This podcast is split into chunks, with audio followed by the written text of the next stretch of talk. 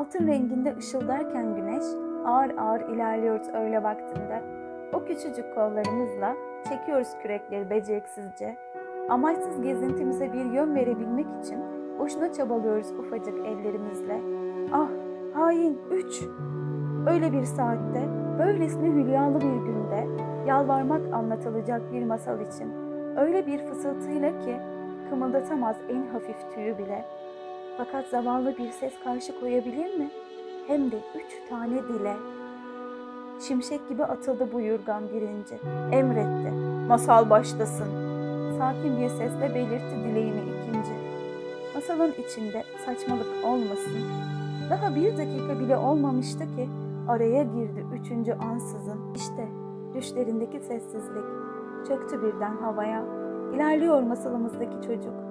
Bu yeni ve olağanüstü harikalar diyarında. Kuşlarla ve hayvanlarla dostça konuşuyor. Pek azı inansa da doğruluğuna. Masalın sonuna yaklaşırken düş gücünün kuyuları kurur. Sonraya saklamak için masalın gerisini. Gittikçe zayıflar masalcının sesi. Devamı bir dahaki sefere. Bir dahaki sefere. Ve mutlu seslerin yerini alır gözyaşları. Harikalar diyarının öyküsü işte böyle gelişti. Yavaş yavaş, bölüm bölüm, tuhaf olaylar ulaştı bir sonuca. Ve en sonunda çözüldü düğüm. Artık eve dönüyoruz. Batan güneşin altında. Tayfamızda yok hüzün. Alice, bir çocuk masalı. Yumuşak bir dokunuşla yerleşti.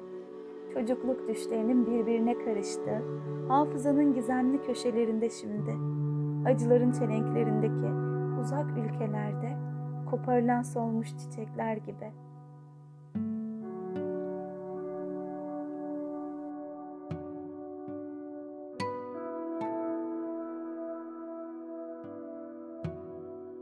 Alice Harikalar Diyarında 1. Bölüm Tavşan Deliğinden Aşağı Alice nehrin kıyısında ablasıyla birlikte yapacak hiçbir şey olmadan oturmaktan sıkılmaya başlamıştı.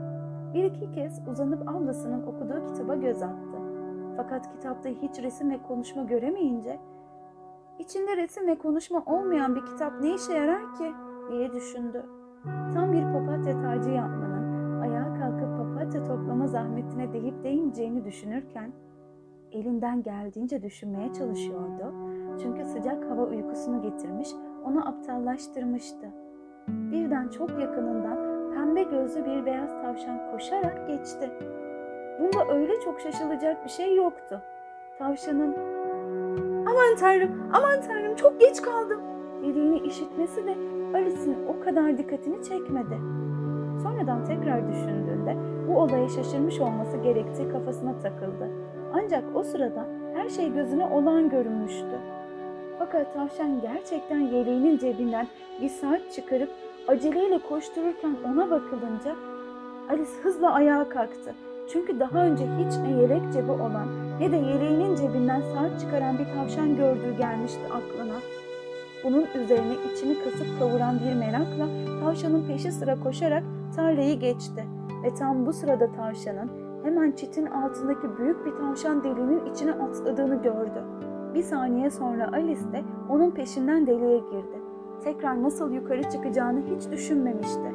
Tavşan deliği önce düz bir tünel gibi uzanıyor, sonra birden aşağı doğru eğim kazanıyordu. Bu eğim o kadar dikti ki Alice durmayı düşünecek zamanı bulamadan kendisine oldukça derin görünen bir kuyuya düşerken buldu. Bu kuyu ya kuyu çok derinde ya da Alice çok yavaş düşüyordu. Çünkü düşerken etrafına bakınıp başına daha nelerin gelebileceğini merak edecek zamanı olmuştu. İlk olarak nereye düştüğünü anlamak için aşağı bakmayı denedi. Ancak ortalık herhangi bir şey göremeyeceği kadar karanlıktı. Bunun üzerine kuyunun duvarlarına bakınca duvarların dolaplarla ve kitap raflarıyla kaplı olduğunu fark etti. Her yerde çivileri asılmış haritalar, resimler vardı. Düşerken rafların birinden bir kavanoz kaptı. Kavanozun etiketinde portakal marmeladı yazıyordu. Fakat içinin boş olduğunu görünce büyük bir hayal kırıklığı yaşadı. Olur ya aşağıdaki birini öldürürüm korkusuyla kavanozu boşluğa bırakmayıp düşerken raflardan birine koymayı başardı. Hım, hım diye düşündü Alice kendi kendine. Böyle bir düşüşten sonra merdivenlerden yuvarlanmak vız gelir. Kim bilir evdekiler ne kadar cesur olduğumu düşünecek. Evin en üst katından bile düşsem yakınmam artık. Ki bu oldukça olasıydı. Aşağı, aşağı, aşağı. Bu düşüşün sonu hiç gelmeyecek miydi? Acaba şimdiye kadar kaç kilometre düştüm? dedi yüksek sesle. Dünyanın merkezine yakın bir yerlere gidiyor olmalıyım. Bir bakalım. Bu da 6400 kilometre aşağısı demek. Gördüğünüz gibi Alice okulda buna benzer bilgiler edinmişti. Yanında kendisini dinleyecek kimse olmadığından bu bilgilerini göstermek için pek iyi bir fırsat sayılmazdı. Yine de bilgilerini tekrarlamak iyi bir alıştırmaydı. Hmm, evet, mesafe yaklaşık bu kadar olmalı. Peki ama hangi enlem ve boylamdayım? Enlemin ve boylamın ne olduğu konusunda Alice'in en ufak bir fikri yoktu. Fakat bunlar ona söylemesi hoş, önemli sözcükler gibi geliyordu. Sonra yine başladı. Acaba düşe düşe dünyanın tam içinden geçip öbür tarafa çıkar mıyım? Baş aşağı yürüyen insanların arasında bitivermek kim bilir ne kadar eğlenceli olur. Antipatiler hmm, deniyor galiba. Yanında kendisini dinleyen kimsenin olmadığına seviniyordu. Çünkü bu sefer doğru sözcüğü söylediğinden kuşkuluydu. Hmm, olsun, onlara hangi ülkeden olduklarını sorarım. Sayın hanımefendi, acaba burası Yeni Zelanda mı? Yoksa Avustralya mı? Böyle konuşurken reverans yapmayı denedi. Boşluktan düşerken reverans yaptığınızı düşünsenize. Sizce becerebilir miydiniz? Öyle sorarsam hmm, amma da cahil bir küçük kız diye düşünecektir.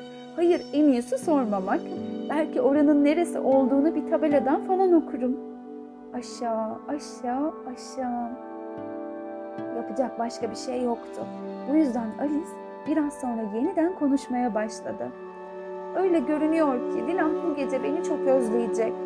Dinah kediydi. Umarım çay saatinde önüne bir kap süt koymayı unutmazlar.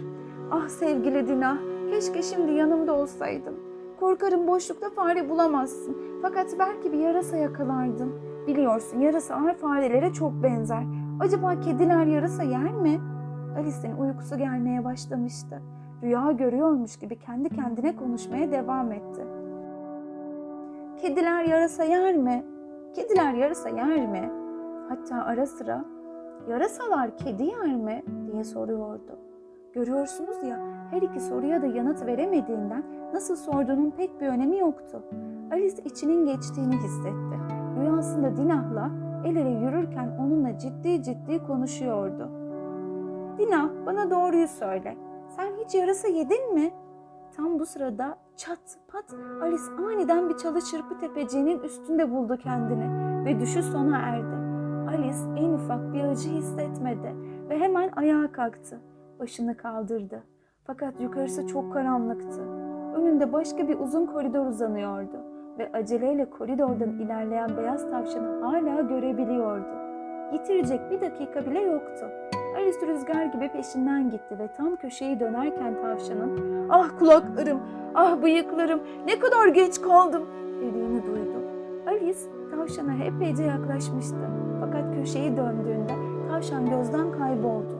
Kendisini tavandan sarkan bir dizi lambanın aydınlattığı basık ve uzun bir salonda buldu. Salonun her yanında kapılar vardı. Ancak hepsi kilitliydi. Alice her bir kapıyı tek tek deneyip üzüntülü bir halde ortaya yürüdü. Buradan tekrar nasıl çıkacağını düşündü. Birden tamamen camdan yapılmış üç bacaklı küçük bir masayla karşılaştı. Masanın üzerinde küçük, altın bir anahtardan başka bir şey yoktu. Alice hemen bunun koridordaki kapılardan birine ait olabileceğini düşündü. Fakat o da ne? Ya anahtar yuvaları çok büyüktü ya da anahtar çok küçüktü. Her iki durumda da anahtar hiçbir kapıyı açamazdı. Ancak salonu ikinci kez turlayınca Alice daha önce fark etmediği alçak bir perde gördü. Perdenin ardında yaklaşık 40 santim boyunda küçük bir kapıyla karşılaştı. Altın anahtarı bu kapıda denedi ve büyük bir mutlulukla anahtarın kilide uyduğunu gördü. Alice kapıyı açtığında ardında sıçan deliğinden geniş olmayan dar bir geçit gördü. Dizüstü çökünce geçitin o güne kadar gördüğü bahçelerin en güzeline uzandığını fark etti. O karanlık koridordan çıkıp parlak çiçeklerden oluşan tarlaların ve serin çeşmelerin arasına dolaşmayı çok istiyordu ama bu kapıdan başı bile geçmezdi. Başım kapıdan geçse bile diye düşündü zavallı Alice. Omuzlarım geçmedikten sonra ne işe yarar ki? Ah keşke bir teleskop gibi kısalabilsem. Nasıl başlayacağımı bilseydim. Bunu başarabilirdim bence. Gördüğünüz gibi Alice kısa zamanda o kadar çok sıra dışı olay yaşamıştı ki pek az şey ona gerçekten olanaksız gibi görünüyordu. Küçük kapının yanında durup beklemenin bir anlamı yok gibiydi. Bu yüzden Alice belki başka bir anahtar ya da insanlara bir teleskop gibi kısalmayı öğreten bir kitapçık bulurum umuduyla masaya döndü. Bu kez masada küçük bir şişe buldu. Daha önce bu şişe burada değildi dedi Alice. Şişenin boynuna bağlanmış ipin ucunda üzerinde büyük süslü harflerle beni iç yazan bir etiket sallanıyordu. Beni iç demek kolaydı tabii. Fakat akıllı küçük Alice bunu hemen yapmayacaktı. Hayır dedi. Önce üzerinde zehir yazıp yazmadığına bir bakacağım.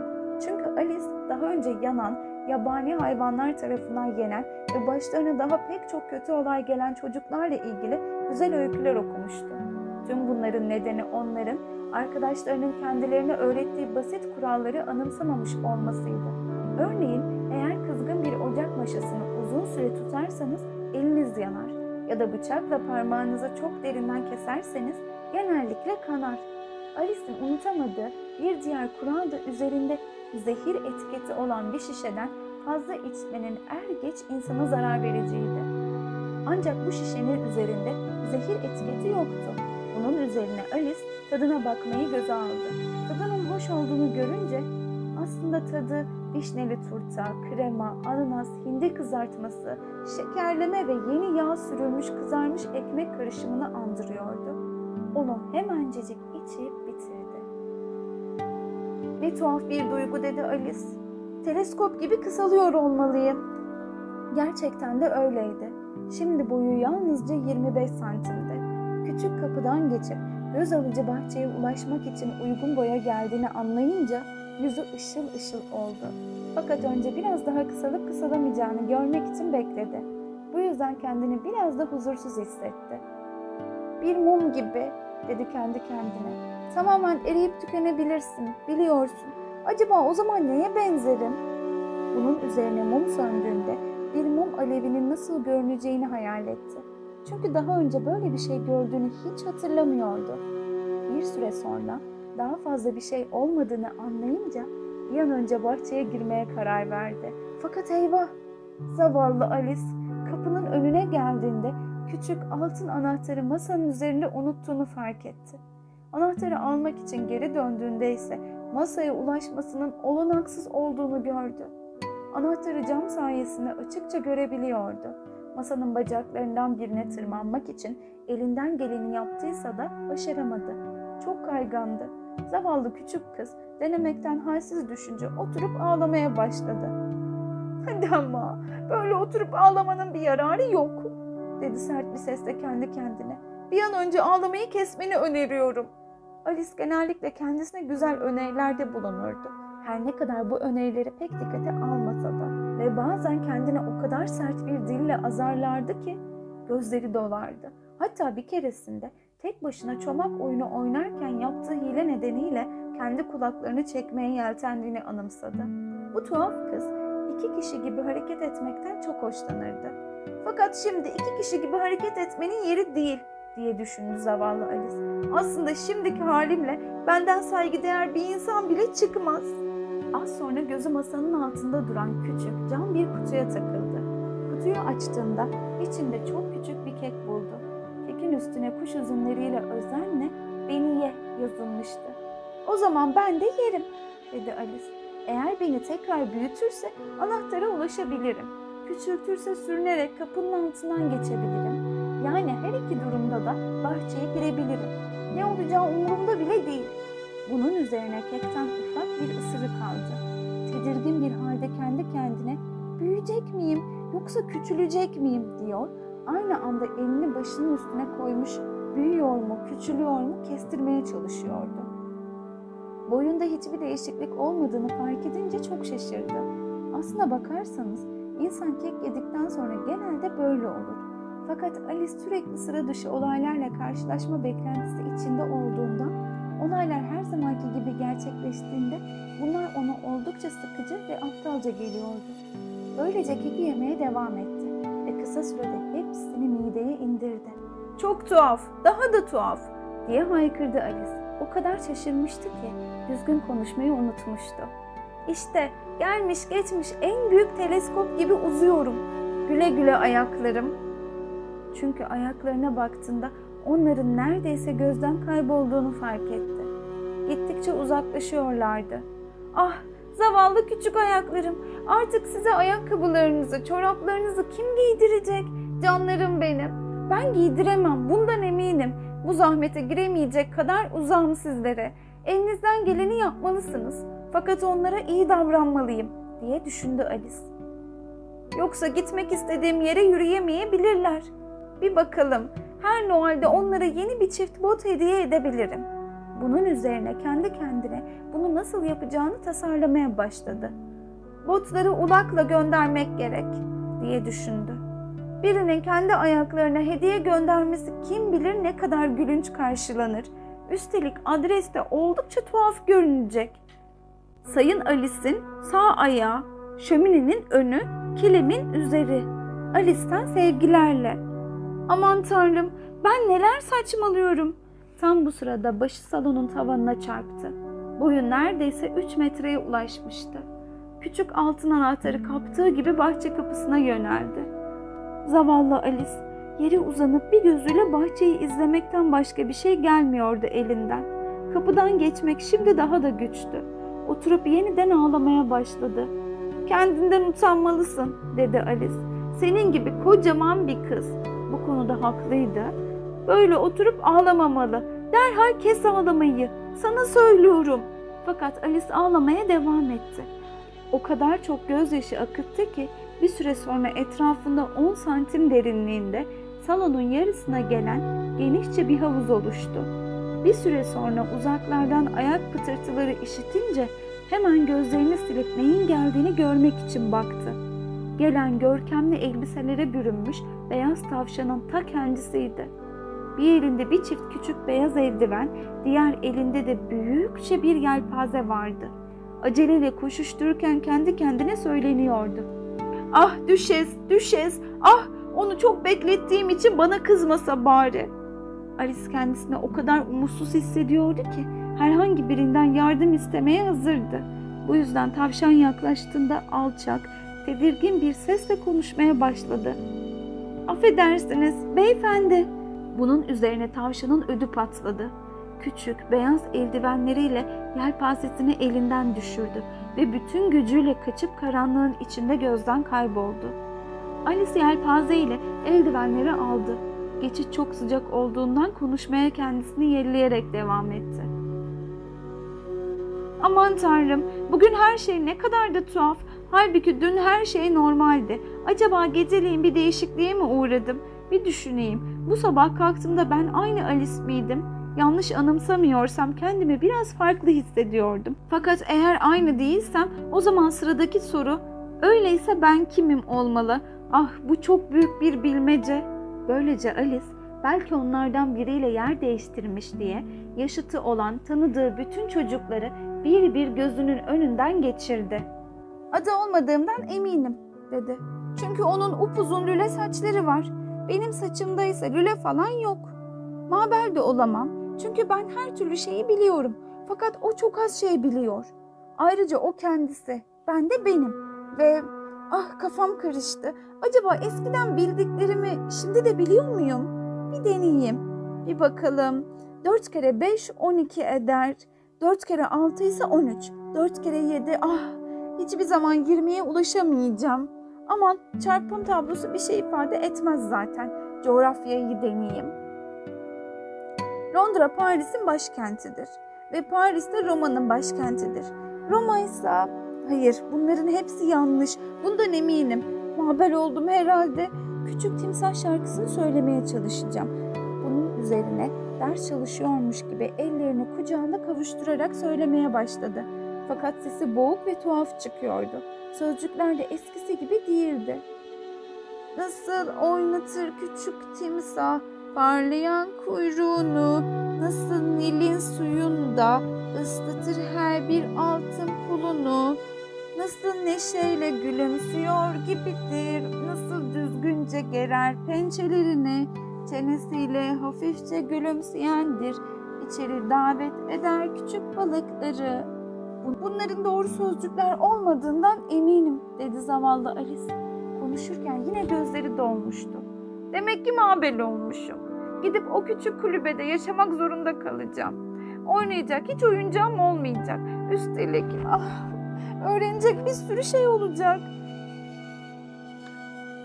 Hayır, bu konuda kararımı verdim. Eğer ben mabelsem burada kalacağım. İnsanların başlarını uzatıp da haydi yukarı gel tatlım demelerinin bir yararı olmayacak. Ben yalnızca başımı kaldırıp bunu söyleyene ben kimim o zaman?